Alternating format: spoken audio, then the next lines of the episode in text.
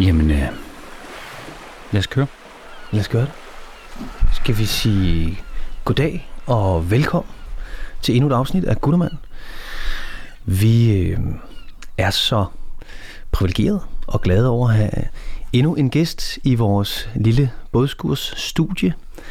Øh, en gæst, som vi har set rigtig meget frem til. Øh, så vi skal byde velkommen til dig, Peter Øvig Knudsen. Tak. Jamen, vi kan jo måske starte med at sige, Peter, hvis du skulle fortælle øh, lidt om dig selv til, til øh, lytteren, hvad skulle det så være? Det er ikke sikkert, at alle, der kender dig. Det er det.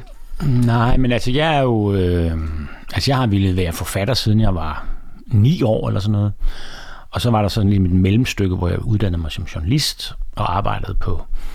Øh, ja, især på et blad, der hed Månedsbladet Pres, som var vores eget, vores egen, øh, vores egen avis, der kom en gang om måneden. Så har jeg kortvejt været på et par andre aviser, men, men så begyndte jeg at skrive bøger, og så kunne jeg simpelthen mærke, især efter jeg skrev en bog, der hed Efter drabet, som handlede om modstandsbevægelsens øh, likvideringer under 2. verdenskrig, og den kom for omkring 20 år siden, øh, at det var så tilfredsstillende at skrive bøger.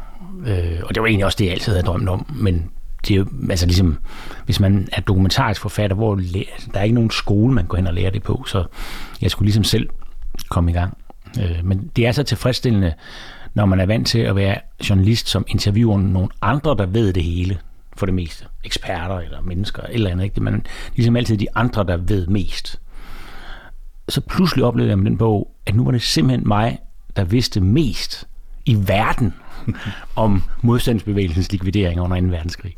Det var der noget fedt i, og så også fordi, at der var masser af selvfølgelig dels gruopvækkende drab, men også nogle, øh, nogle øh, afsløringer af, hvordan de her drab i virkeligheden var foregået, og der var en hel del øh, ubehagelige øh, motiver blandet ind i noget, som man senere har vasket lidt hvidt, fordi vi vil gerne have en, en, en renvasket øh, øh, frihedsbevægelse i Danmark også. Så, så jeg tror, der kom der sådan en gennembrud, så da jeg så vendte tilbage, der var jeg på weekendavisen på det tidspunkt, og skulle til at sidde og skrive en ny artikel til på næste fredag, så gik det bare ikke.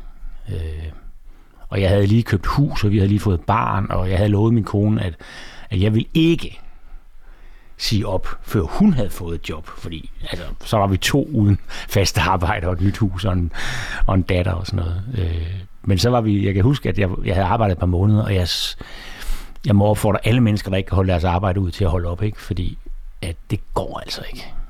Øh, og så må man også nogle gange tage nogle valg, som, som ser helt tåbelige ud, fordi man er meget vellønnet og meget forkælet på, på weekendavisen.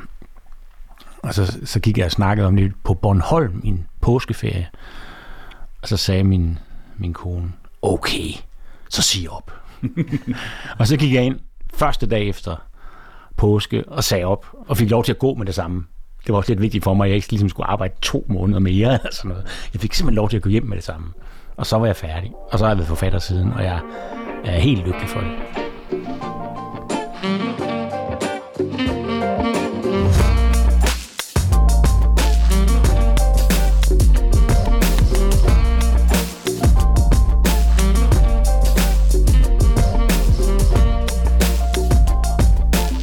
Noget med, at du i...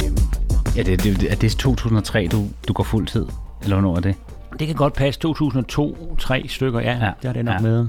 Jeg havde en bog, jeg, jeg vidste også, hvad for en bog jeg ville skrive, og, og det var ligesom, den hed Birkedal. Den handlede så om en, den anden side af, af krigen, nemlig en, en oceaner, der var gået i, i tysk tjeneste og var blevet den dygtigste torturbødel, som, som tyskerne havde under krigen.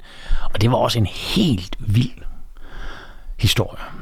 Øh, og den skulle jeg så ligesom også gå og vente på at kunne få lov til at få overlov igen mm. til at skrive. Den, jeg tror, den kom i tre, så det er måske nok lidt tidligere, jeg sagde op. For jeg sagde op, fordi at, øh, den vil jeg gerne skrive. det dit, dit forfatterskab, som du selv siger, øh, drejer sig meget om de her dokumentaristiske hvad hedder det, øhm, beskrivelser og de her øh, dyk ind i både historien og nogle forskellige begivenheder og også bevægelser for den sags skyld. Altså, nu tænker jeg på, nu har du, har du skrevet nogle, nogle værker, som er mere end bare et bind, for eksempel Besæt og Blikkingadebanden.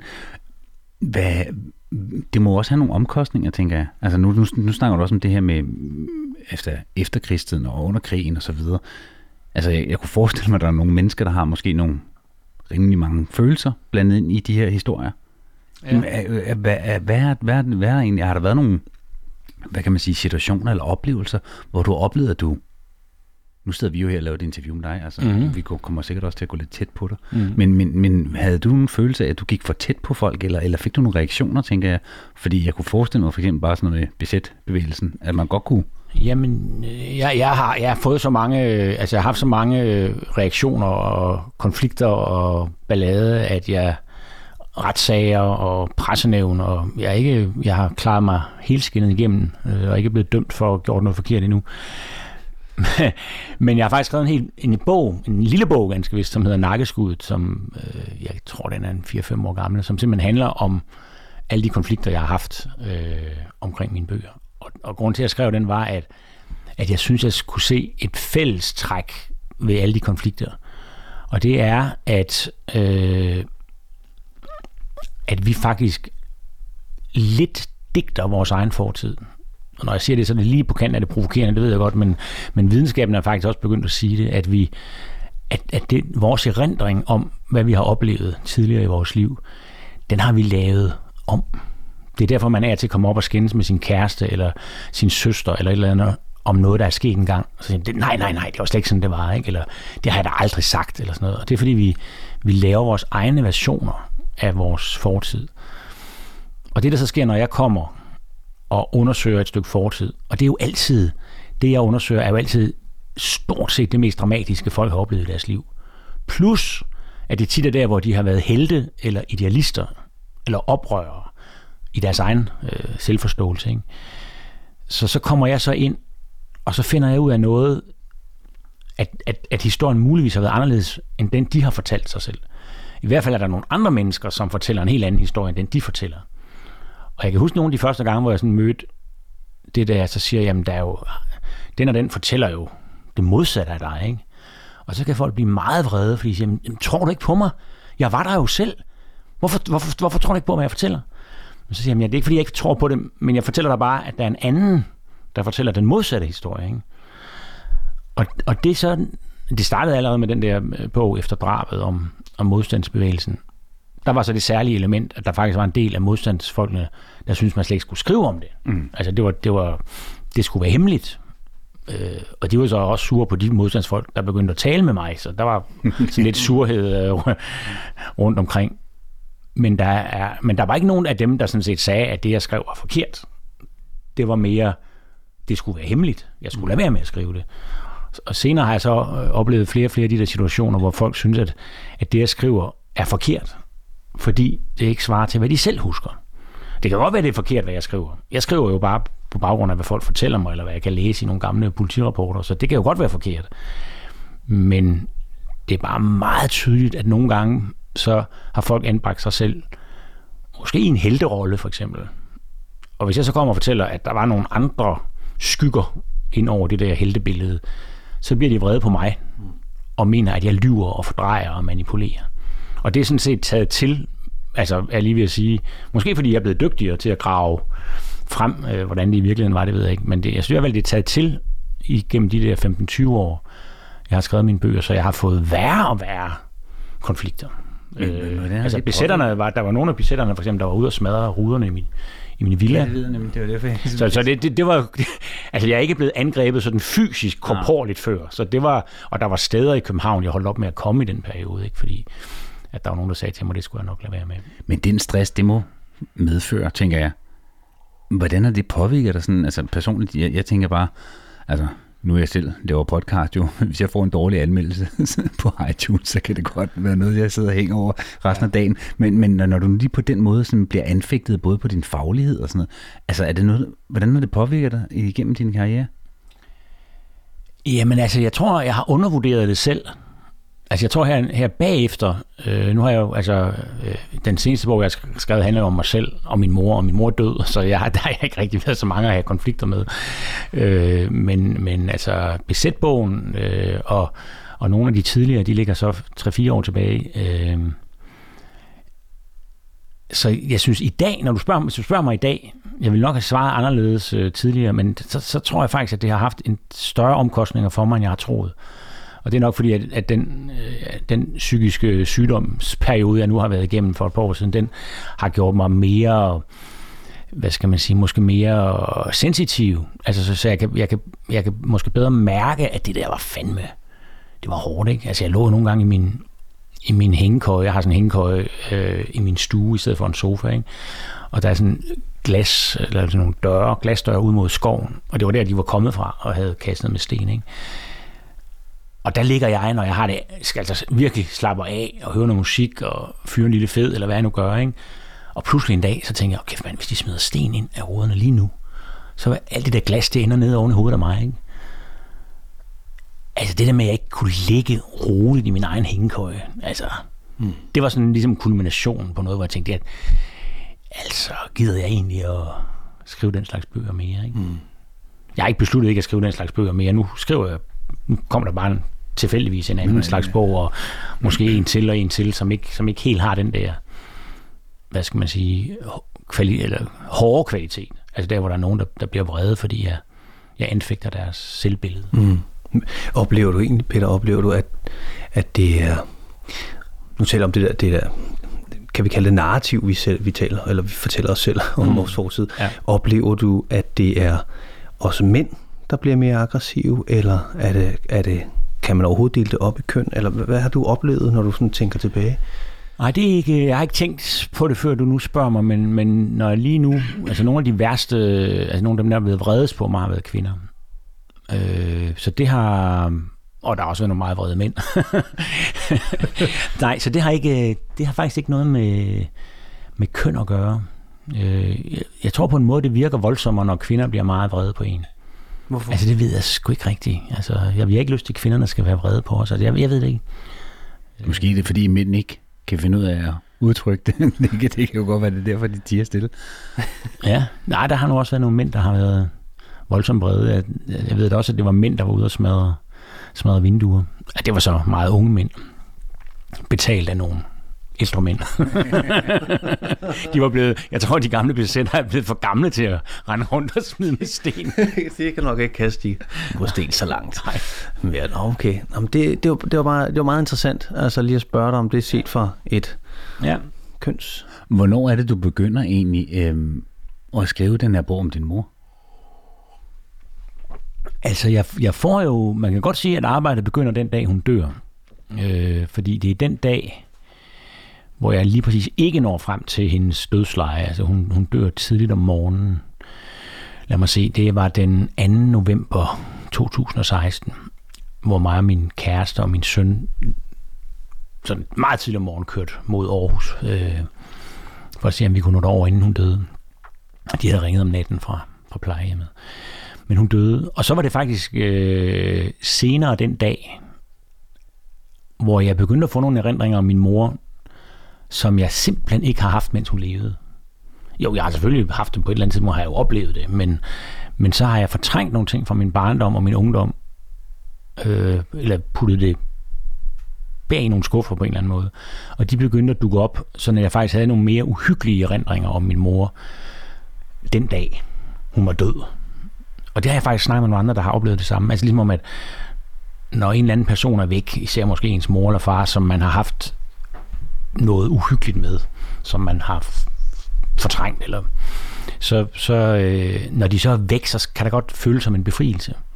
Det er meget, øh, øh, det føles sådan forkert, at man bliver glad, når ens mor dør øh, måske også endnu værre, end hvis det, man bliver glad over ens far dør. Altså, men nu har jeg bare mødt nogle stykker, som har takket mig for, at jeg har turet skrive i en bog, at jeg blev faktisk virkelig glad den dag min mor døde.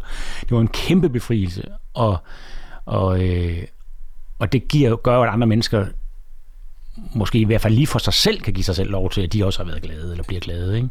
Og måske endda også lige kan fortælle det til nogen. Det er altid rart lige at lette sit hjerte med noget, man, øh, man synes er forkert. Ikke? Og det er forkert at blive glad, når ens mor dør. Men, men det blev jeg, og, og, og ind i den glæde voksede så også noget inspiration og en lyst til at fortælle verden, at sådan en mor havde jeg haft. Og så svært er det at have en psykisk syg mor, som er psykisk syg på den måde, min mor nu var. Øh, og som jeg ikke rigtig, jeg synes ikke rigtig, jeg havde læst om det. Jeg havde ikke rigtig haft adgang til nogen.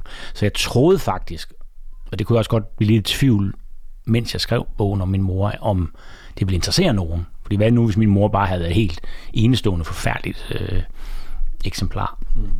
Men nu har jeg bare mødt så mange, det er næsten den samme sætning, de siger til mig. Altså hvis jeg er ude og holde foredrag, eller møder dem på gaden, så siger folk cirka den samme sætning, som lyder sådan her.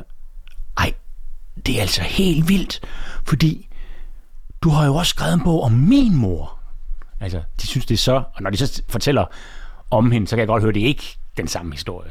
Men følelsen af, at man har haft en virkelig forfærdelig mor, som man ikke rigtig har kunnet stille noget op med, øh, og som man har haft alle de her følelser om, at man ikke man kan ikke have sådan nogle dårlige, man kan, man kan ikke tale dårligt om sin mor, og man kan ikke blive glad, mm. når hun dør og alt det der. Mm. At det har været en, en, det er en befrielse nogle gange, når vi får sagt sådan nogle ting. Mm. Fordi så er der nogle andre mennesker, der også får lov til at have det, som de i virkeligheden har det. Mm. Jeg, nu bliver jeg, jeg vil bare nysgerrig også på lytternes vegne. Det kan jo være, der er nogen, der ikke har læst din bog ja. om din mor. Øhm, simpelthen bare lige bare for sådan at, at klargøre, hvad, hvad præcis fejlede hun? Jamen, jeg havde jo altid, og det gjorde hun også, altså jeg havde jo altid øh, fået at vide, at hun led af depressioner. Og hun havde været indlagt siden jeg var 4-5 år gammel på psykiatrisk hospital med depressioner. Øh, og det er jo i sig selv, altså, det er ikke øh, behageligt at have en mor, der er meget, meget, meget ked af det. Men jeg tror alligevel, at hvis det nu kun havde været det, og hvis man der havde været noget åbenhed omkring det i vores familie, så, så havde skaden måske været mindre omfattende.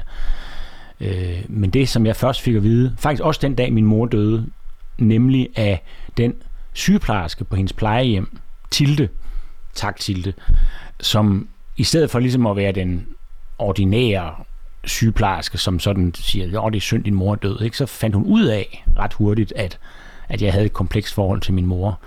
Og så i stedet for at forsøge at fortælle mig, at min mor havde været en sød gammel dame, så gav hun mig sgu ret i, at hun havde været virkelig besværlig gammel dame.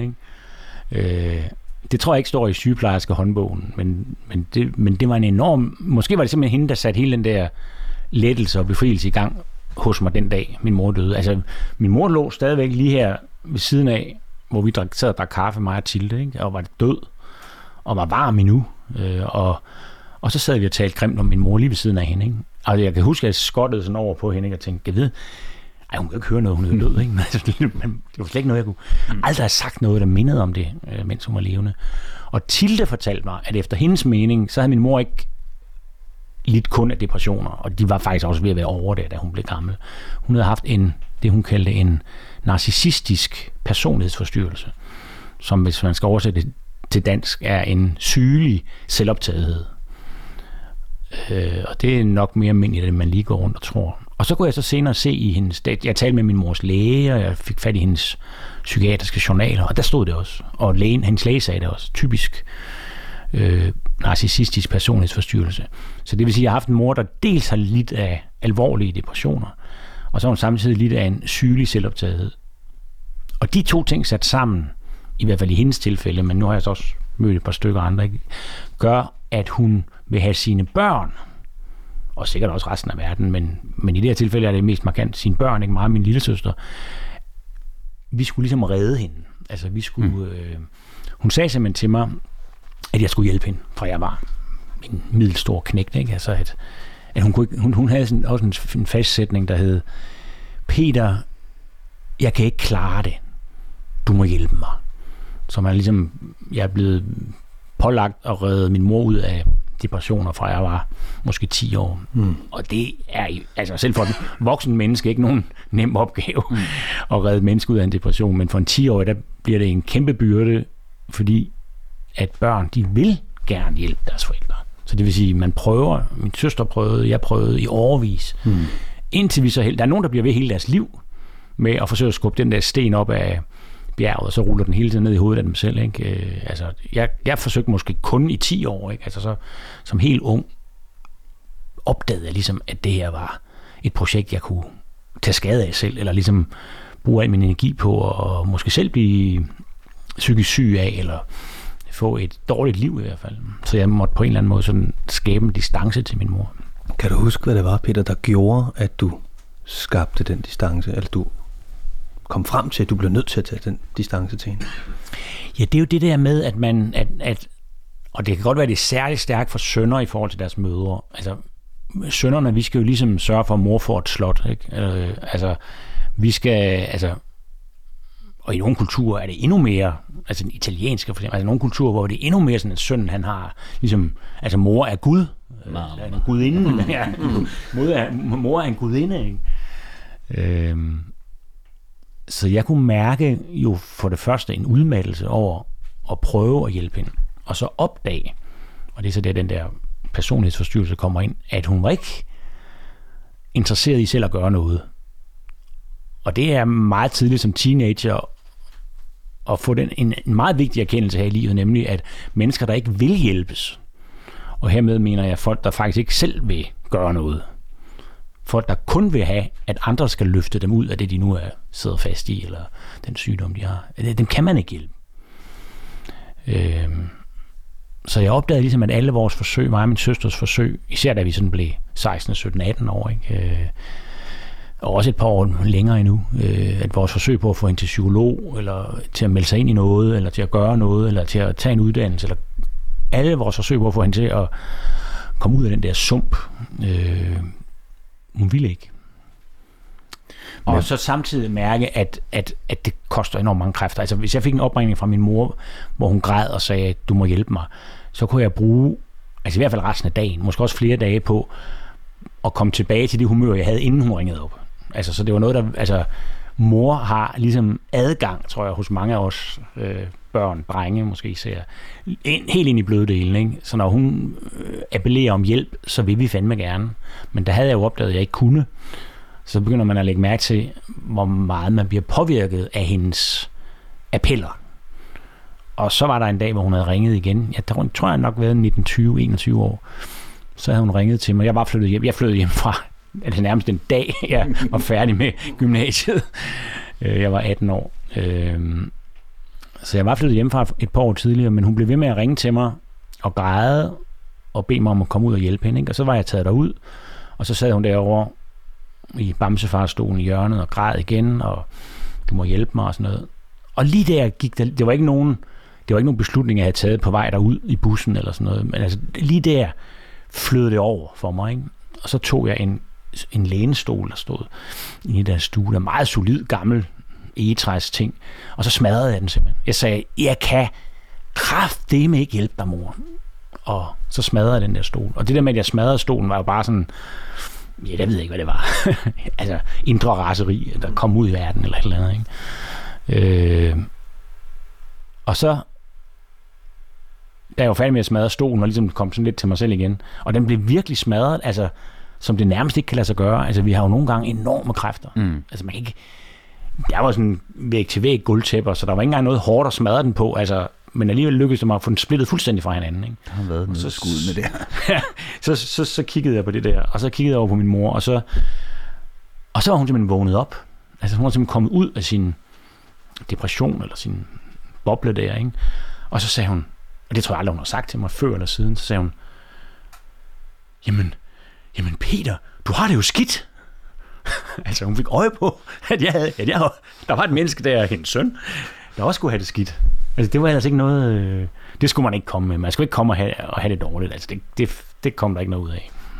Altså jeg, jeg synes, det er, det er ret tankevækkende, at du har gået for en, en, en tween-alder omkring de der 10 år, og så helt i de efterfølgende 10 år, som jo er ret skældsættende i, mm.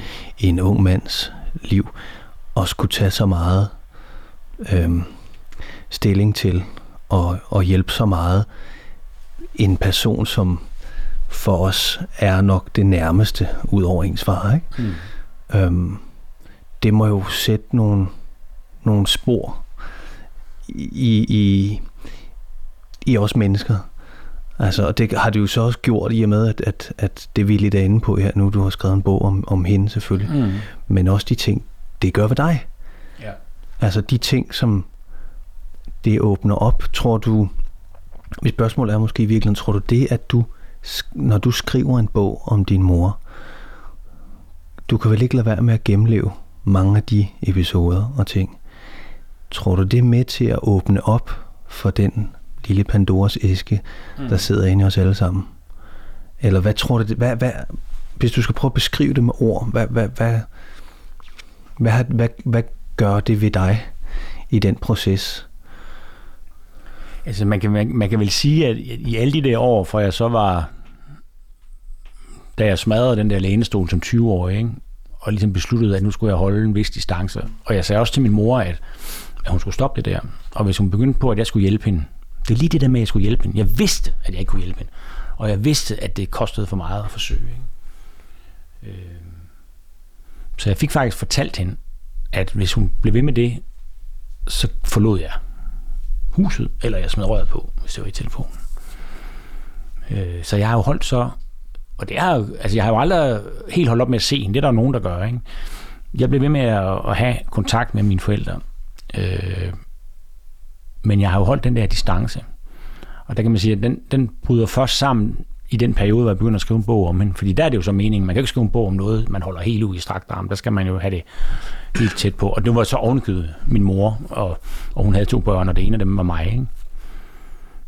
Så der skete et eller andet. Jeg synes faktisk, det første halve år, jeg var i gang med den bog, der var jeg rundt og tale med, med mennesker, der havde kendt hende, altså barndomsveninder og familiemedlemmer og min søster. Og, og, øh, og lærte hende bedre at kende, synes jeg. Jeg var, jeg var egentlig meget glad for den arbejdsproces.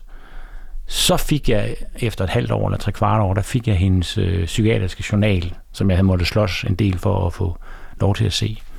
Og den dag, jeg sad og læste den, det her det er sådan bare bagklogt, ikke? Altså, men den dag, jeg sad og læste den journal, der var det som om, jeg kom for tæt på hende. Og da min kæreste kom hjem, så sagde hun, hvad, hvad er der sket? Altså, hun kunne se på mig, at jeg var gået i sort. Og det troede jeg så, det forsvandt igen, ikke? Og det gjorde det måske også lige i nogle dage. Men jeg blev ved med at være trykket, og jeg kan huske, at, at det var lige nogle dage, inden jeg skulle til Gyldal Store efterårsreception, som er den årets fest for forfatterne, ikke? Og jeg elsker den fest. Øh, og jeg havde ikke rigtig lyst til at gå til den. Og det er et farsignal for mig, hvis der er en stor dejlig fest, jeg ikke har lyst til at gå til. Ikke? Og, og i ugerne efter, der, der måtte jeg så se i øjnene, at, at jeg også skulle røde ind i en depression. Og det havde jeg prøvet før.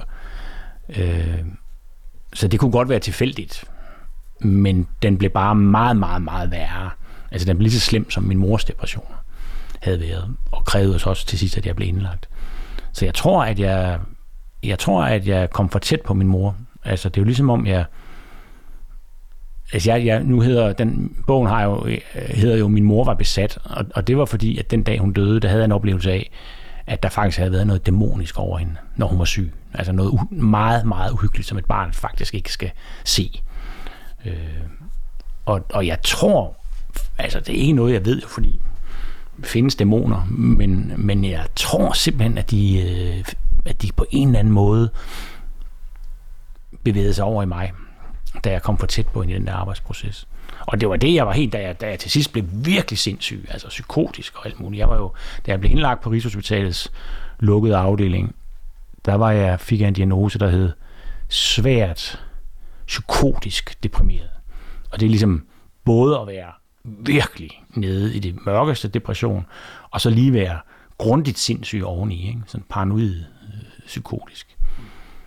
Og der var jeg fuldstændig sikker på, at det var min mor, der, mors, mor, der havde sat alt det her i værk, og hun havde sendt sine dæmoner ud efter mig, og jeg var selv blevet besat. Og, altså, og, og, og det er jo sindssygt at tro, at en død mor kan noget som helst. Ikke? Altså, det er jo sindssygt, men, men, men, men det er bare ikke helt sindssygt kun. Altså, jeg har det stadigvæk sådan lidt, at der var et element af noget irrationelt i det mindste, eller noget, altså noget, noget uhyggeligt øh, ikke sådan helt rationelt forklarligt over det der. Mm. Havde du nogen fornemmelse af, da du tog beslutningen og sagde, nu skal jeg skrive den her bog med min mor, hvad det var, du dykkede ind i? Altså tror du, det, det nu, nu spørger jeg måske lidt ledende, men havde det, havde du på nogen måde kunne se det komme? Altså se det komme på den måde med, at det ville gå så langt ind? Tror du, det var sådan en, en hvad kan jeg sige, en, ikke en instinktiv, men sådan en, en underbevidst beslutning for, for os at grave ind i dig selv? Eller hvad, hvad, hvad, hvad, hvad var det, der gjorde, at du tog Nej, den altså- beslutning? Kunne du se, at der måske var noget forud, som du blev nødt til at gå igennem? Eller?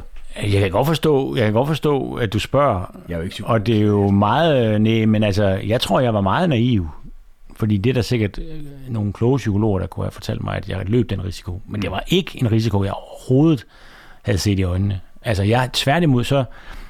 Jeg kan også se på mine noter fra den der periode, at, at jeg synes, det var meget vigtigt, når jeg nu skulle skrive en bog om min mor, at jeg gjorde det uden at være følelsesmæssigt involveret. Jeg skulle skrive en bog om en psykisk syg kvinde fra den der før hippie-generation. Altså hun var ligesom den sidste generation af, af kvinder før rødstrømper og feminisme og alt det der, ikke? Øh, født i 1936.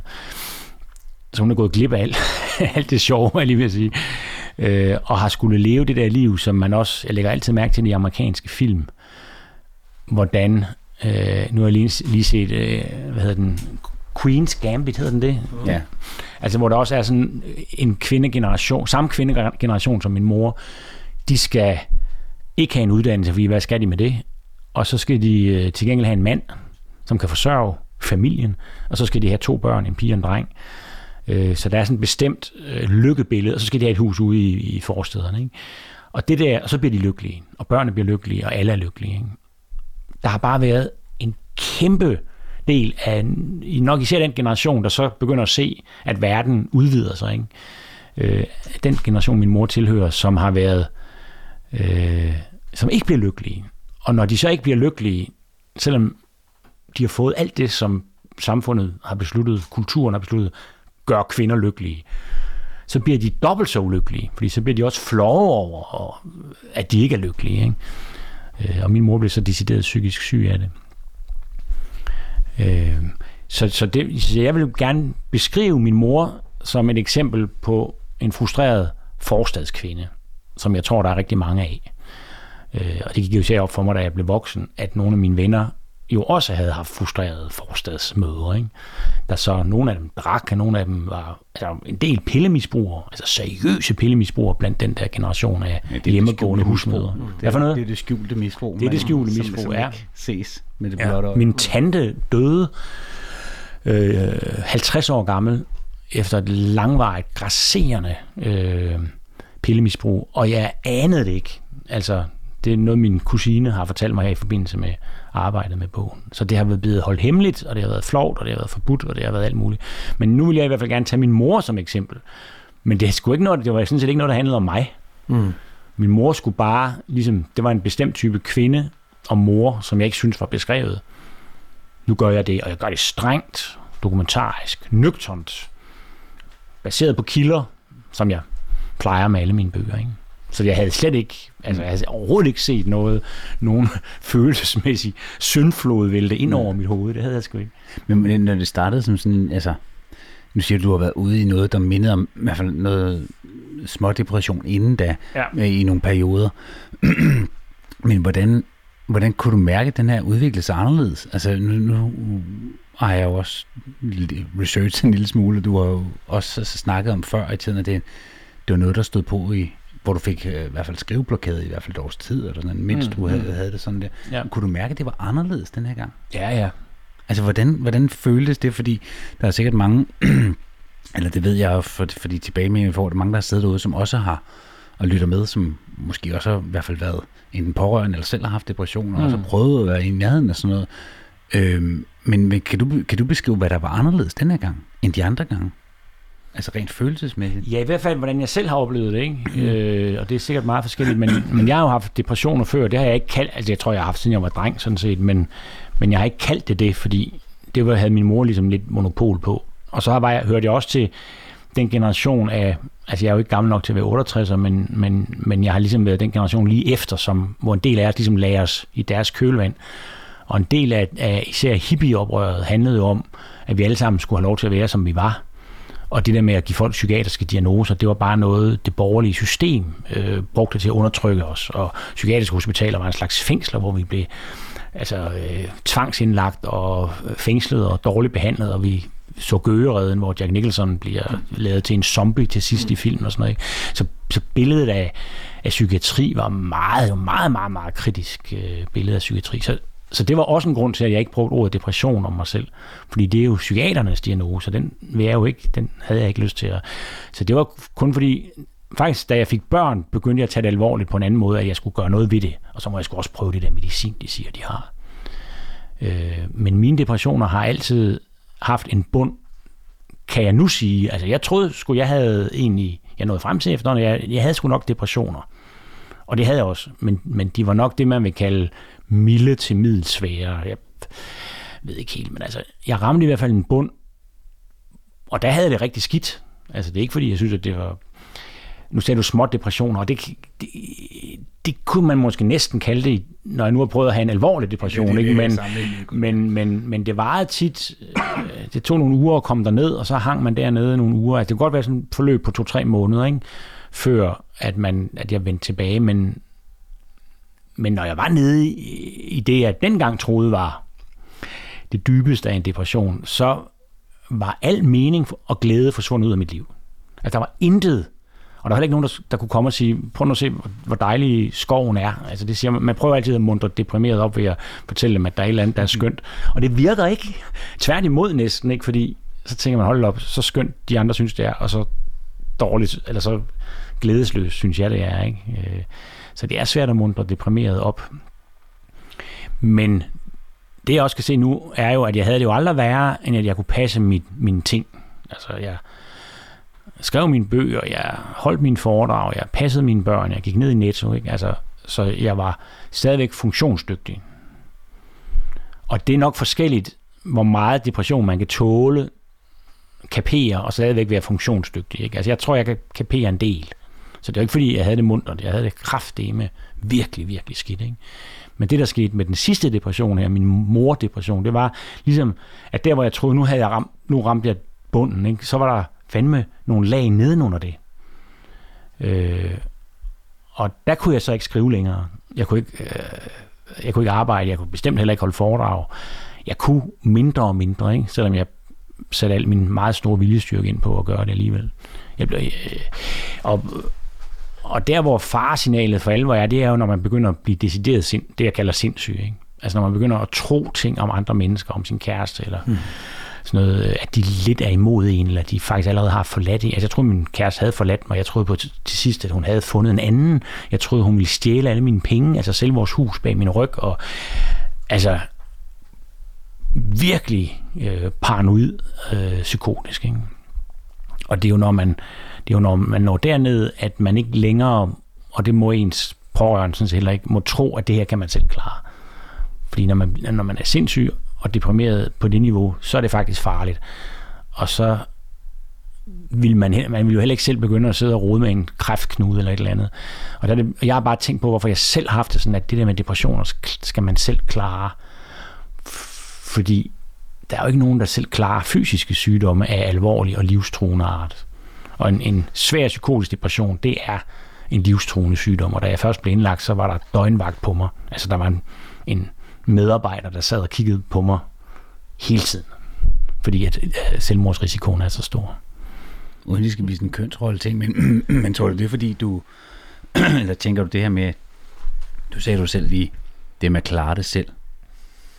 Altså, vi, vi har jo haft andre i programmet, som også har snakket om det her med at være nede i sådan nogle kriser, hvor vi mænd virkelig er gode til at sige, at det klarer vi selv. Mm. Altså, var, var, det, var det derfor, du tænkte det også? Altså, ikke fordi du var mand, men fordi du også tænkte, jamen det, det, det bør man kunne klare selv. Ja, jeg, jeg, jeg, jeg, jeg ved sgu ikke om det. Jeg tror, jo, jeg tror, du har ret i, måske, at mænd har sværere ved at fortælle, hvor skidt de egentlig har det en ja, kvinde om hjælp. Ikke? Altså. Og også bede om hjælp, ja. Det tror jeg er rigtigt. Men, men jeg var nu ret åben øh, over for min nærmeste med, hvor skidt jeg havde det. Prøvede virkelig at forklare, hvordan jeg faktisk havde det.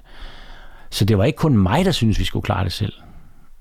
Nu havde jeg så det særlige element, at jeg var skrækslagen for at blive indlagt på en psykiatrisk afdeling, og ende ligesom Jack Nicholson i Gøgeredden. Mm. Ikke? Jeg, jeg talte simpelthen om at blive zombificeret. Altså, at, at jeg bliver lavet til, de, de tager, de svitser min hjerne af, hvis jeg, hvis jeg kommer ind der. Ikke? Så der havde jeg selvfølgelig en ret kraftig motivation til at holde mig væk fra psykiatriske afdelinger.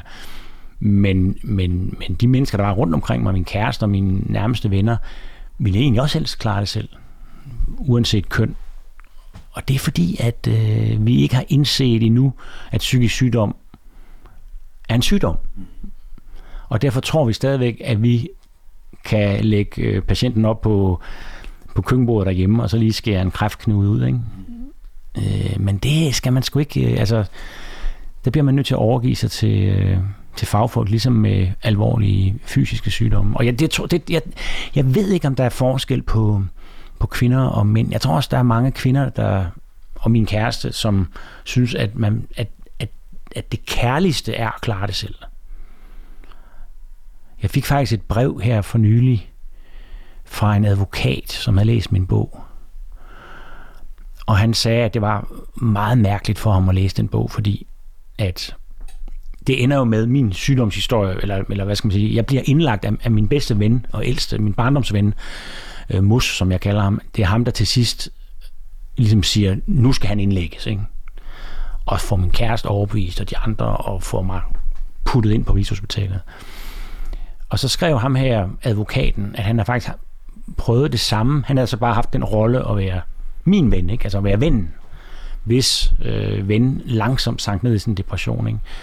Og han forsøgte faktisk at få ham indlagt, men, men accepterede, at vennen ville ikke indlægges. Og så sagde han, så indgik de en aftale på et tidspunkt. De to gamle venner her. Den deprimerede lovede, at han ikke ville begå selvmord. Og vennen, advokaten, lovede, at han ikke ville indlægge ham på psykiatrisk hospital. Og så gik der syv dage, og så begik han selvmord. Og så sagde han, at vi gjorde jo faktisk det. Altså, den aftale var jo, at vi satsede på venskabet, på kærligheden, på samtalen. Ikke? Alt det gode i livet. Men han begik selvmord. Ikke?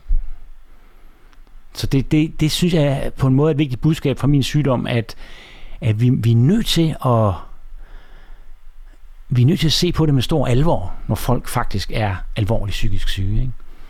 Altså, så skal man, øh, så skal man ikke prøve at lege amatørpsykolog eller amatørpsykiater. Der er, jo, der er jo desværre rigtig mange mennesker øh, i Danmark på verdensplan også, som lige præcis på grund af depression begår selvmord. Ja. Hvis ikke det er en af de største herhjemme, så er det top 3 eller noget. Og det er jo især mænd, der lykkes med at begå selvmord. Ja. Og det, altså, så, mm. ja, der er vist forskellige forklaringer på det. Ja, ja det, er jo, det, er jo, det er jo også bare fordi, at vi, vi, vi jo bare oplever også selv i vores egen generation, at, at dem, der har sværest ved at udtrykke, om når man nu har det dårligt, altså sætter du dig ned med, med en kammerat, så, så nu, nu er du jo også inviteret herind, fordi du er god til at snakke om det. Mm. Men vi oplever bare rigtig mange, som ikke er gode til at snakke om det, hvor det ender der, hvor man tænker, hvorfor skulle vi helt derud? Ja, øh, men det kender jeg jo også fra min egen omgangskreds, mm. at man nogle gange pludselig får man at vide, hvor slemt det egentlig stod til. Ikke? Mm. Øh, og så tænker man, hvordan overså jeg det, og hvorfor sagde du ikke noget til mig, og ja, jeg var for flov, ikke? og jamen for helvede. Og der kunne det være, hvis man, hvis man kan være heldig ved, at nu tror jeg, at det er sådan stille og roligt ved at komme, ikke af sig selv, men sådan rent samfundsmæssigt en, en, en, en eller anden form for vind, som blæser ind over, over de danske mænd, at de, de bliver, bliver stille og roligt, langsomt og langsomt bedre og bedre til at, at snakke om andet end Superliga-fodbold og hvad hedder det, sport og hvad det man ellers snakker om, når man mødes med kammerater. Men man også godt kan sige, prøv har du det godt? Nej, jeg har det faktisk helvede det. Mm. Og man så, er det det, der bliver snakket om, i stedet for, at man faktisk tør at sige det der ting højt. Ikke? Ja. Når nu, jeg kommer til at tænke på, når nu du beslutter dig for at skrive den her bog, og du så kan se, at, at det faktisk var ligesom startskud til den her ting, som måske eller måske ikke var uundgåelig. Øhm, tænker du, at øh, nu har bogen jo fået rigtig, rigtig gode anmeldelser og sådan noget, men, men rent personligt, tænker du, at det har været det hele værd? Nej, det synes jeg ikke, det har. Altså det har jeg faktisk tænkt, at hvis nu, at jeg ingen relationer havde, altså hvis jeg var helt alene i verden, og så havde jeg gennemlevet den her depression og kommet ud på den anden ende og kunne skrive en bog, som jeg jo godt kan mærke, at den er der nogle andre, der får nogle aha-oplevelser med. Både det der med at kunne sige tingene, som de er, om ens mor for eksempel, eller øh, hvad, er depression, altså, hvad er depression egentlig for noget? Forstå det hos nogen, man kender, forstå det hos sig selv. man kan ikke helt forstå det. Der er noget mystik i depression, ikke? Men, men vi må i hvert fald prøve at se, om ikke vi kan kaste lys ned i det, i det hul der. Ikke? Øh, så, så, så det kan man sige, der har jeg jo, der har bogen en, en, måske en, en, en lille betydning ude i verden, på en anden måde, end mine andre bøger har haft, altså fordi i hvert fald sådan ind i folks helt personlige liv, at der er et eller andet, de måske kan, kan, kan forstå. Så, så, så hvis jeg kun skulle veje mine egne omkostninger op mod den glæde, eller glæde, det er måske forkert udtryk, men altså noget erkendelse, den kan give rundt omkring, så kan det godt være, at jeg vil sige, ja, det, var, det, det går sgu nok måske lige op, ikke? Men, men det, som jeg ikke anede på forhånd, det er jo, hvor hårdt øh, så alvorlig psykisk sygdom rammer rundt om en. Det burde jeg kunne sagt, kunne have sagt mig selv, for jeg er jo selv en psykisk syg mor, ikke? Øh, så mine børn har det ramt enormt hårdt. Øh, og, og faktisk også, altså, den der kreds, kæreste, ekskone, gode venner, altså, det har været forbløffende, så meget de har lidt under det. Øh, og aller værst min søn, øh, som altså i et helt år var altså ude af cirkulation og ikke gik i skole og sådan noget. Ikke? Så de omkostninger bliver lige lovligt store, så vil jeg sige. Ikke? Altså det, det kan sgu ikke rigtig, altså børn, der får det skidt, det, det, de kan, det kan ikke rigtig, øh, det er der ikke rigtig nogen bog, der kan, der kan opveje. Men, men nu er det jo sket. Altså, og da jeg så besluttede også at skrive min egen sygdom og min egen tur ned i helvede, i bogen om min mor, fordi at der var et eller andet, der spejlede sig selv der, ikke? eller spejlede sig, vi spejlede os i hinanden, og det var faktisk helt flettet sammen. Så kan man sige, at så er det da, det er da dejligt, når man oplevede noget af det værste, man formodentlig kan opleve i tilværelsen, en svær psykotisk depression, der rammer hele familien, at så er det da godt, at det gør noget nytte, måske. At der kan komme en bog ud af det, der kan gøre noget nytte. Men jeg tror ikke, man kan sige, at det opvejer. Men, men det er, altså, hvis ikke der var kommet en bog ud af det, var det i hvert fald, havde det bare været endnu værre, fordi så havde det meningsløsheden været fuldstændig 100 procent. Altså udover omkostningerne med din, med din familie og sådan noget, nu så sådan nævner du også, at, at venner og på, men oplevede du, at det er jo sikkert noget, du ser, måske kan se her efterfølgende, at der er folk, der på en eller anden måde ser på dig anderledes, end de har gjort før, inden du blev indlagt? Ja, det, det, det bemærker jeg egentlig på flere forskellige måder. Altså det ene, som er sjovt, det er jo, at og det er meget forståeligt, når man møder folk for første gang, efter man har været indlagt på en lukket afdeling og fået elektrochok. Ikke? Altså kigger de sådan lige lidt grundigt på, hvordan... Altså, Jack Nicholson. Vi, ja, vi har alle sammen set Jack Nicholson blive en zombie. Ikke? Hvordan er det nu gået med Peter Øvig? Øh, men det sjove er bare, at det bliver ved. Altså folk bliver ved med, nu der er gået, der er faktisk ved at være gået tre år på, det, på den nu, ikke? og folk bliver ved med at kigge meget grundigt på mig, synes jeg. Og også sådan lige spørge, hvordan jeg nu har det, hvor man kan mærke, at nu vil de godt have et ærligt, at de, de appellerer om et ærligt svar. Sig nu bare, at det stadigvæk, at der er et eller andet galt, ikke? Og nu synes jeg faktisk efterhånden, men det tog lang tid. Det, jeg, jeg sagde allerede efter et år, at jeg mente, at jeg havde det nogenlunde, som jeg havde det, inden jeg var syg. Øh, det passede ikke, øh, kan jeg så se senere, og jeg kunne godt få det bedre. Øh, nu siger jeg det igen her efter tre år. Jeg synes egentlig, at jeg har de samme kræfter nu, som jeg havde, inden jeg blev syg. Men det kan godt være, det, at det ikke passer. Men, hvad tror du, det hænger sammen med? Hvor, hvorfor tror du, at, at vi, er, vi har så svært ved at slippe det, når vi kigger på en, som vi tænker, du har været igennem sådan og sådan? Jamen, jeg, jamen, jeg tror, at, øh, jeg tror at, at, at langt de fleste mennesker, som bare har en lille gnist af noget, øh, altså at de kan blive triste eller bange, eller altså en lille gnist af noget, ikke? Og det har de fleste mennesker jo, eller halvdelen af alle mennesker, eller et eller andet, ikke? Øh, altså, altså for alle os, der er det ligesom, altså mareridtenes marerit, det er hyldende sindssygt at blive indlagt på en lukket psykiatrisk afdeling. Og så går de i gang derinde med at gøre ting ved en, ikke? Det tror jeg bare er sådan grundmareridt. Så derfor, hvis nogen har været det igennem, så, så vil vi gerne, altså så vi nysgerrige. Jeg tror også bare, vi er sundt nysgerrige efter, kommer man ud af normal bagefter, mm. ikke? Og jeg tror, at man kigger lidt på folk, der har været indlagt, psy- psykiatrisk indlagt, som de er nok, altså man kigger lige lidt i hjørnerne efter, om, om de stadigvæk er lidt skøre. Ikke? Mm.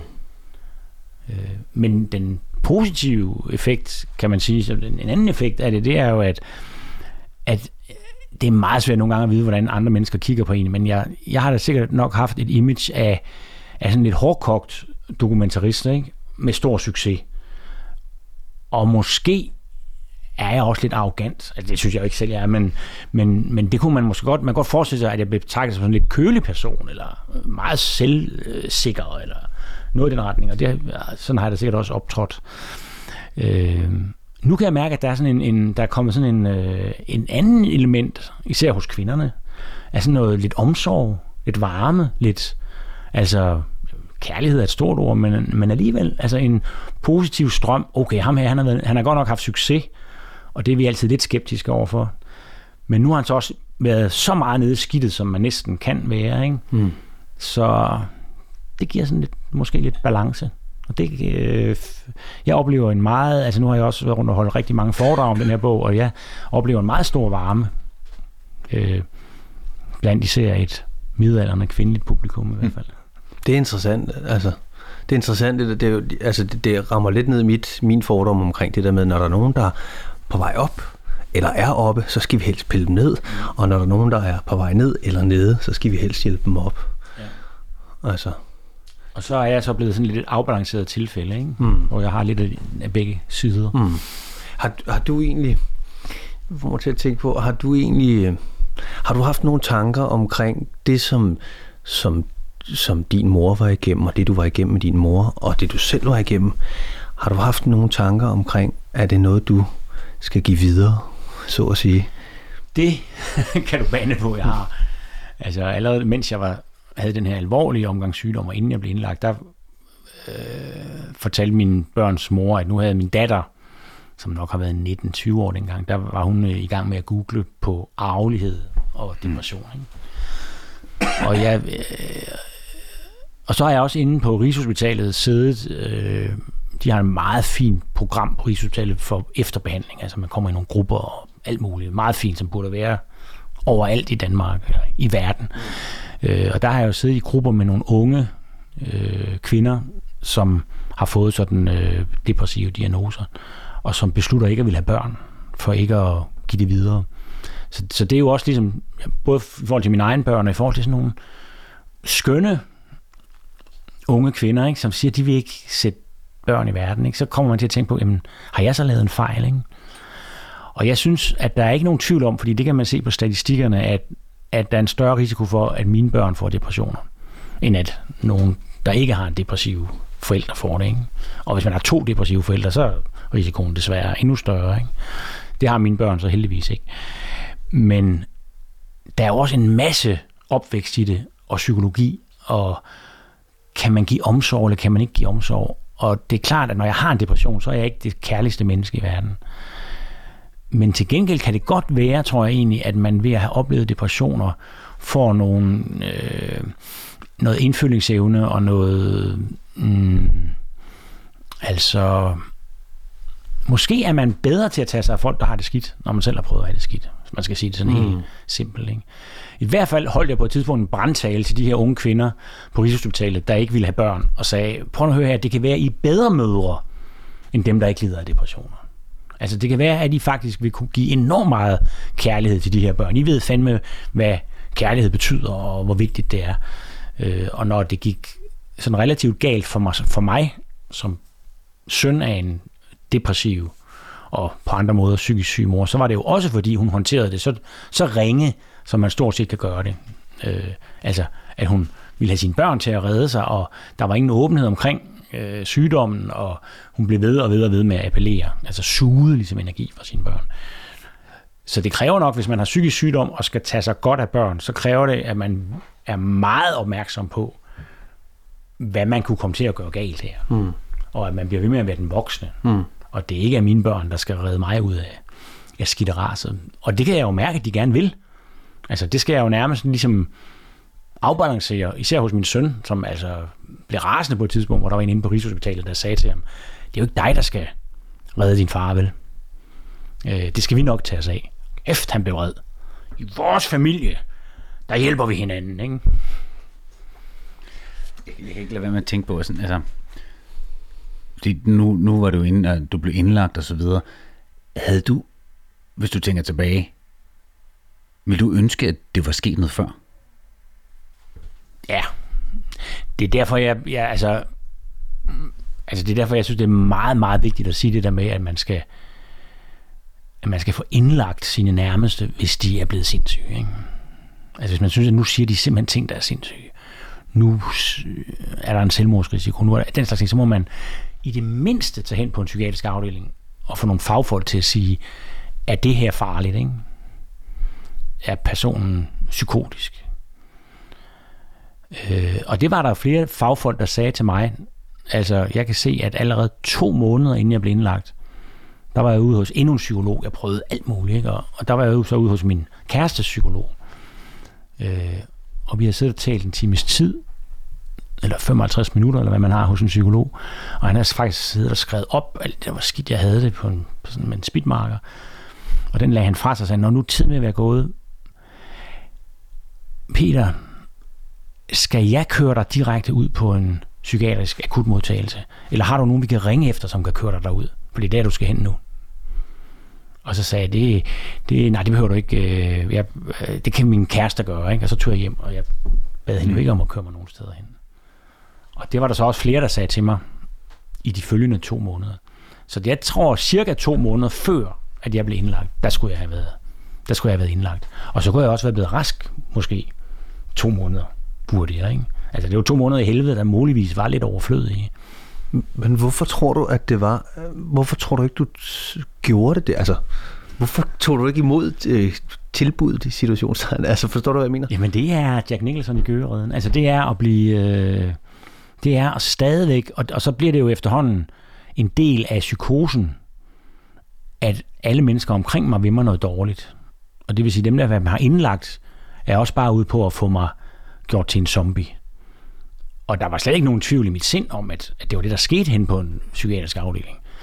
Øh, og det var jo også, inden jeg var blevet seriøst sindssyg, der, der havde jeg jo også nogle forestillinger, som, som vi har fra film og tv-serier, og, og bare også fra det der, jeg nævnte før med, at, vi, at, at mange af os har det som det værste mareridt. Det der med at blive kørt ind på sådan en seng ind på en psykiatrisk afdeling, og man har rygende sindssyg, og man har bælter mm. hen over kroppen. Ikke? Altså det er på en måde, Ja, og det virker frem og tilbage, fordi det er så også det, man, man ser i film. Altså, det, dy, det, det værste mareridt bliver filmatiseret, og så virker det sådan, ligesom så går der ekokammer i det, så vi, vi har en idé om, at, at psykiater er faktisk ondskabsfulde, og de vil faktisk gøre os, øh, altså, de vil der os det faktisk ondt. Det er jo egentlig ret vildt, ikke? No, det... Men, det, men jeg har selv haft det sådan. Mm. Så derfor ved jeg, at det kan jo findes hos sådan, selv sådan rimeligt almindeligt begavede mm. individer. Nu fik du jo faktisk også den der behandling, som man kunne, måske kunne sidde og frygte, var det, der gjorde en til Jack Nicholson. Altså, du fik jo elektrochok. Præcis. Når man, når man siger det til folk, som ikke ved, hvad det er, så kommer man jo måske til at få en ledelse til at tænke på den måde. Ja. Men mm, altså, da du, du fik det at vide på et tidspunkt, går jeg ud fra, at nu skulle du have elektrochok. Altså, var det det, der var det værste mareridt? Var det at ja. få elektrochok? Ja, det var det. Jeg tror, at der er mange, der har set Gøgereden, som husker det sådan, at Jack Nicholson får elektrochok. Det kan man, hvis man har set filmen, der glemmer man aldrig, at han får, øh, altså, at han får de der stød igennem hjernen, og hans grimasser, og, øh, og så husker man heller ikke slutningen af gøgereden, hvor han ligger en zombie, og hvor hans ven, den store indianer, er hen og tager ham op, og vi kan bare se, der er ingen hjemme her. Altså, Jack Nicholson er blevet totalt til en zombie.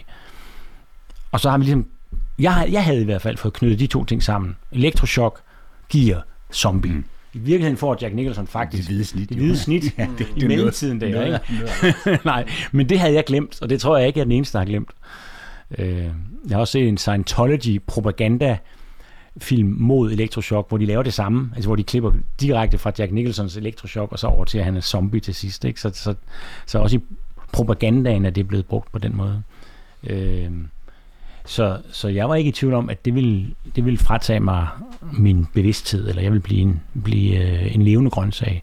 Jeg ringede faktisk, øh, min, min søster boede på det tidspunkt stadigvæk i Kambodja, og, og hende ringede jeg til aftenen, inden jeg skulle have elektroshock næste morgen, og sagde farvel til hende. Fordi øh, jeg var helt sikker på, at jeg ikke... Altså jeg sagde til hende, at i morgen ved samme tid, så er jeg ikke mig selv længere. Måske kan jeg ikke engang tale. Øh, så, så øh, det her, det er goodbye, ikke? Men det var du i princippet heller ikke, da du vågnede. Nej, jeg var ikke den samme næste dag, nej, fordi jeg havde det lidt bedre. ja, det er rigtigt. Men det er, jo det, det er jo det, der så er helt vildt jeg sad faktisk lige for nylig igen og, og, og kiggede i min journal, fordi jeg fik syv elektrochok. Det får man hver anden dag på Rigshospitalet. Så det er jo faktisk to uger bare. Øh, og jeg fik endda et par, sådan, de gav mig par stykker ekstra for at være helt sikker. Ikke? Øh, så allerede efter 4-5 elektrochok, der var jeg jo rask. Altså der var jeg jo mig selv igen. Der var psykosen væk, depressionen var væk. Det er for nogle mennesker, altså herunder mig, de fleste mennesker, der er det en helt mirakuløs behandling. Der er nogen, der, der fortæller, at de tager skade af det. Så den mulighed findes altså også. Øh, men i mit tilfælde, der kan man sige, at jeg var så syg, så altså, vi er lidt i afdelingen for sidste udvej. Ikke? Mm. Og de giver også for det meste kun elektroshock til folk, der er ravne sindssyge, ikke? og hvor de ikke aner, hvad de ellers skal stille over. Kan, kan du kort beskrive, hvad, altså rent fysisk, hvad der sker, altså når man skal have elektroshock? Fordi jamen, apropos billeder. Ja, ja. Jamen, så bliver man altså... Øh, på Rigshospitalet har de en bestemt afdeling, hvor de giver elektroshock. Ikke? Der er en del elektroshock om dagen. Øh, og der bliver man så kørt ned, og så det er sådan et ret lille rum, så man, man ligger sådan på en, på, en, på en seng, ikke? og så er der en hel masse mennesker til stede, psykiater og anestesilæge, og altså ligesom hvis det var en rigtig operation. Ikke? Og så bliver man lagt i narkose. Øh, så det vil sige, og så får man noget, øh, de kalder det muskelafslappende, det viser sig sådan set, at det virkelig er muskellammende. Altså, man bruger det også, når man skal operere folk ind i de dybe organer, ikke? fordi der, man må ikke, musklerne må ikke stå og, og trække sig sammen. Øh, og så har de så på det tidspunkt allerede anbragt elektroder alle mulige steder på en, og de følger med. Altså, nu om dagen at bliver det overvåget hjertet og ja, der er dobbelt læge ja, alle mulige øh, sikkerhedsforanstaltninger, fordi det er jo voldsomt mm. at give et elektrisk stød igennem hjernen, og, og det virker kun, hvis man går i krampe. Så det vil sige, at man kan ligesom ikke snyde og give et lille stød, fordi hvis ikke folk, folk går i krampe, og jeg var virkelig god til at gå i krampe, jeg kan se min journal, som jeg som sagt lige kiggede i, at jeg, de fleste af mine elektrochok, der gik jeg i 60-stjernet krampe. Altså det er ligesom det er den flotteste krampe. Ja. ja. Så det er jo krampen, der virker. Det er også en voldsom behandling. Strøm og krampe, ikke? Som, mm. som behandling mod en, en sygdom. Mm. Og så vågner man jo op, men man, man oplever jo ingenting, for man er i, i, i narkose. Så vågner man op igen en time eller tre senere, og så er man fuldstændig fra den. Altså jeg anede ikke, hvor jeg var, eller hvem jeg var, eller noget som helst. Og så i løbet af nogle timer, så begynder man sådan ligesom at komme lidt til sig selv igen. Mm. Men jeg kan næsten ikke huske den periode, og det er typisk, at, at de uger, man får elektroshock, der er hjernen simpelthen så kraftigt påvirket, så man, ens hukommelse er forstyrret. Det påvirker faktisk især øh, hukommelsescentrene i hjernen. Mm. Der er nogle mennesker, der mener, at de får ødelagt deres hukommelse faktisk. Mm. Ja, okay hvad hedder det, jeg tænker på, fordi vi skal også til at runde af, men, men nu, nu har du været meget inde på det her med, at, at hvis du skulle sige noget til nogle andre, der sad i samme situation, hvis man overhovedet kan tænke klart i den situation, så vil du bare anbefale, så vidt jeg kan forstå på dig, at man får det gjort så hurtigt som muligt, hvis man er ude og skide på den måde, som du principielt har været. Men er der noget, du tænker, også når du nu er kommet ud på den anden side, mere eller mindre, er der noget, hvad man kan ligesom sige, der, der er sikkert meget flere pårørende, der lytter med mm. til det her, end, end der er øh, for folk, som selv lider af, af, af en eller anden form for depression eller psykose. Hvad, hvad er der noget, du kan anbefale dem at gøre? Altså, jeg, jeg tror, de pårørende sikkert, det var mine pårørende i hvert fald, er lige så skræmt for videre sans i forhold til elektroshock, øh, som, som den, der skal have det. Øh, eller næsten i hvert fald. Øh, om, og der er ligesom så mange historier øh, om, at, at det er en form for tortur, man bliver udsat for. Altså sådan er det. Jeg nu har jeg kigget lidt på, hvordan det altså, er beskrevet i film og i tv-serier. Det er næsten altid en form for tortur, og tit med sådan en lidt nazistisk udseende øh, overlæge, ikke, der står for det. Og det er næsten altid kvinder, der får det. Så det er sådan en mandlig, mandlig tortur mod unge kvinder, altså tit. Øh, så, så der er ligesom en massiv, der er massive billeder og, og myter og sådan noget, som, som, som fortæller os, at det der, det er virkelig farligt og, øh, og ødelæggende for den menneskelige hjerne. Ikke? Øh, så jeg tror ikke, jeg kan sige så meget andet, end at, at jeg var så alvorligt syg, psykisk syg, som man overhovedet kan være. Det sagde de til mig på Rigshospitalet. Det der, det er, altså bagefter sagde de til mig, det der, du var så syg, som man kan være og jeg bliver rask i løbet af no time ved hjælp af elektroshock. Øh, så er det selvfølgelig enormt ærgerligt, at der er nogen, der muligvis også altså, har dårlige bivirkninger af det. Ikke? Øh, og det er det, jeg er, ved, jeg, jeg er ved at skrive en bog, der handler om præcis det her, så det er noget, jeg kunne tale om i timevis, det vil jeg så lade være med. Men, men, men, men jeg har mødt rigtig mange, der har oplevet det som et mirakel. Mm. Øh, og man må, man må ligesom se på, hvor syg er patienten egentlig. Ikke? Altså man anvender jo også nogle meget ubehagelige metoder, hvis folk er alvorligt syge af kræft. Mm. Det er jo også det er jo heller ikke sjovt, øh, det man så skal gennemgå. Og sådan er det jo altså lidt, at, at meget alvorlig sygdom skal nogle gange behandles med meget altså, tunge øh, behandlingsmetoder. Og de behandlingsmetoder kan så også have nogle bivirkninger. Og sådan er det jo også med kræftpatienter. Mm.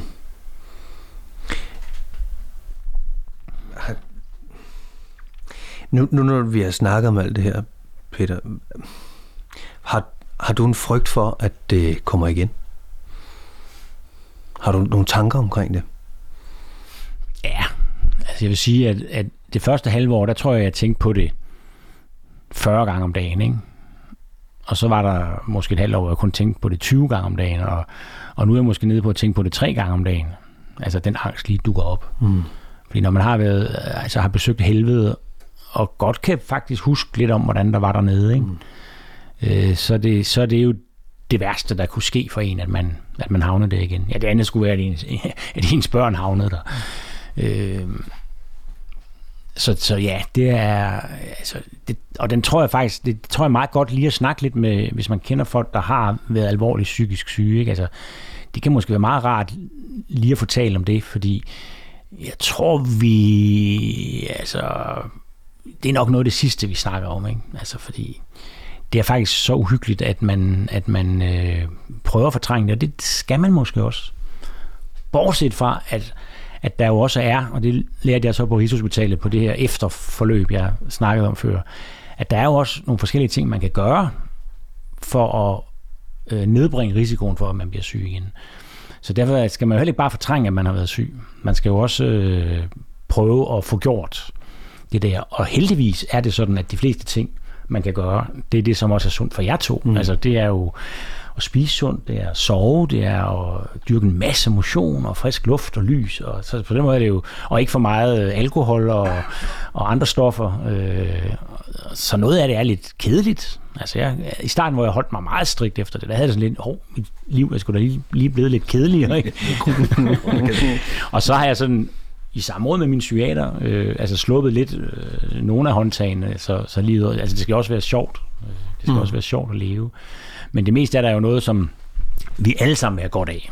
Og ens krop er også glad for det. Det er ikke kun psyken, der er glad for motion mm. og, og lys og vand. Så man kan måske sige, for at drage en pendant til, til alt det her corona, vi har nu her, mm. hvor vi er meget ude, det kan jo... Altså jeg tænker måske, det er lidt interessant at se, om det har en forhåbentlig positiv effekt. Ja, men, men til gengæld lever folk måske lidt mere ensomt øh, under corona, og det har så nok, ja. det nævnte jeg ikke, men altså omgang med andre mennesker er jo også noget af det rigtig, rigtig vigtige. Mm, mm. Øh, så det kan være, at det så trækker lidt den anden vej, i den modsatte ja. retning. Ja. Men du har fået skrevet en bog, så vi på de sociale medier. Ja. Men den er ikke udkommet nu. nu kommer nej, nej, jeg, først, altså jeg er ved at skrive den, vil ja. jeg sige. Nu har jeg bare, altså det, for en forfatter er det en, en stor dag, den dag, at alle kapitlerne ligger der. Mm. Og, og man har, jeg, har også, jeg har lige været afsted og læst den igennem, og synes egentlig, jo, den, jeg tror sgu faktisk, der er en bog her. Ikke? Og nu er der så, sidder der så rundt omkring på mit forlag og andre steder nogle mennesker, skal læse det, jeg har skrevet, og så kommer de jo tilbage og siger, ah, mm. ja, man, kan, man håber altid på, at de siger, det er genialt, vi udgiver det bare sådan her. og den handler jo så om hele forløbet efter og hvordan? Ja, altså egentlig, oprindeligt var det en undersøgelse af, hvad er det her elektroshock egentlig for noget? Altså, som er altså et mareridt for mange af os, men så er altså også et mirakel for nogle af os. Øh, men så kom den til også at handle om en masse andre af de øh, ting, man tænker på og erkender, mm. når man har været psykisk syg, og, hvad, og hvad, hvad er jeg egentlig for et menneske øh, i dag, efter at have været den her tur igennem. Jeg, jeg, har, jeg ved ikke, om det er et sidste spørgsmål for mig. Jo, det må du lige. Ja. Du får det sidste spørgsmål. Okay. det er fordi, jeg tænker på, Peter, når du nu har, øhm, for at prøve at bilde en sløjfe på alt det her, alt det her øhm, alt det her, du har været igennem og set med din mor, og du selv, som du selv har været igennem, har du et andet syn på din mor i dag, efter du har måske en, en anden indsigt? Og... Altså, jeg synes faktisk, det har påvirket mig meget at opdage, at hun bare er et individ i en generation af kvinder, som ligesom er altså, faldet lidt ned i et sort hul. Forstået sådan, at at alle de tidligere generationer af kvinder har været lige så undertrykte og haft øh, den der plads, man ligesom anbragte kvinden i, som var, at de øh, skulle altså bare være glade for at gå derhjemme med børnene, ikke? og så var det manden, der havde det spændende liv ude i verden. Men det, der adskiller den her generation, er jo, at de når så at se nogle andre kvinder, der gør noget andet. Altså, de, de når jo så fra hippie Summer of Love 1967, ikke? Øh, der, når, der, der, der oplever de jo så, at der er nogle andre kvinder, der springer ud og begynder at agere og har lov til at gøre lige så meget, som mænd har lov til. Og det tror jeg altså lige strammer skruen lidt. Ikke? Altså, en ting er, at alle kvinder er undertrykt. Ikke? Nu der pludselig kan de se, at den næste generation, de gør en masse ting, som de måske egentlig også lige kunne have haft lyst til. Ikke? Og begynder at tage uddannelser, for eksempel. Ikke? Som de, altså, det jeg husker, at jeg snakkede med min mors barndomsveninder, der, der, og jeg, jeg sagde, de fortalte mig, at hun var den dygtigste i hele sin skole, fik de bedste karakterer i hele skolen. Så sagde jeg, hvorfor skulle hun så ikke på gymnasiet? Gymnasiet? Der var da ikke nogen kvinder, der kom på gymnasiet, eller piger.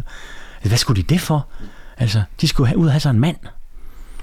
Øh, så jeg synes, at, at, at jeg kan godt forstå, jeg tror faktisk, at, at, jeg, at jeg må se på min mor som en, der måske som udgangspunkt havde en stor begavelse, og måske også en, altså en eller anden form for kraft. Begavelsen fik hun ikke rigtig brugt til noget. Kraften fik hun ikke rigtig brugt til andet, end at vende mod sig selv og sin familie, var jeg lige ved at sige. Altså det er blevet, den, den er blevet til en negativ kraft. Øh, men, men jeg forstår bedre, at hun ligesom var til en vis grad offer for den måde, samfundet var på i hendes tid, ikke? og den måde, kvinden blev, den position, som kvinden blev, øh, fortsat blev placeret i. Og så tror jeg også, at jeg, ved selv have prøvet at være alvorligt deprimeret, har opdaget, at hov, øh, altså de depressioner, små depressioner, jeg havde tidligere i mit liv, hvis, hvis det var sådan nogen, min mor også havde haft, så øh, kunne hun godt have taget, det havde været nemmere for hende at tage sig sammen, som man altid siger til deprimerede, eller gjorde i gamle dage i hvert fald, kan de ikke lige tage sig sammen. Øh, hun kunne måske bedre have sat sig ud over sine depressioner, taget en uddannelse, eller fået gjort noget af det, mig og min søster synes, hun skulle have gjort. Men når jeg nu har prøvet at have sådan en alvorlig depression, som jeg kan se, hun også havde flere gange i sit liv, hun var indlagt flere gange i sit liv, så må jeg også sige, okay, altså, det er hårde odds at være det igennem flere gange i sit liv, og med små børn og så videre. Øh, og i en tid, hvor det er endnu mere tabuiseret, øh, der i 60'erne, end, end det er i dag.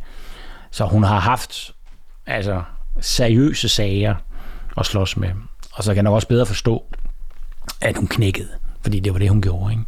Det var bare ærgerligt for hendes børn at vokse op med en, en knækket mor. Jamen, øh, det vil jeg næsten lade være de sidste ord. Og så vil jeg sige, øh, hvis man er interesseret i at, at dykke mere ned i Peter Øvis historie, så kan man jo blandt andet starte med at læse ja, din bogen om din mor. Mm. Øhm, og så kan man jo, hvis man er heldig, måske endda tage din nyeste bog med på en rejse til september, hvis man får lov til at komme ud til udlandet. Det skulle jo passe fint sammen, at man kan rejse til september, Præcis. så kan man tage den med i som lydbog. Præcis, det tænker jeg også. Eller som rigtig bog. Ja. Så får du lidt ekstra smør på brødet, kan man sige. Men øh, jeg vil bare sige, at det har været utrolig inspirerende at have dig med herinde ja. til, i vores lille bådskur. Jamen, det var, det var også virkelig hyggeligt, og hvad, hvad lytterne ikke ser, vi sidder og kigger ud på, på havnen, og der er øh, de hyggeligste skibe og natur på den anden side, og det er et super sted. Tak. tak. Og jeg har siddet godt med front mod udsigten. det er godt. Det er godt, Peter. Fantastisk. Jamen, øh, lad os runde af, Martin, og sige, og sige tak for den her gang. Ja. Og øh, hvis I øh, synes, det har været spændende at lytte til, så husk at hoppe ind på iTunes og give den en anmeldelse, og gerne nogle stjerner. Det vil vi blive rigtig glad for. Tak for den her gang.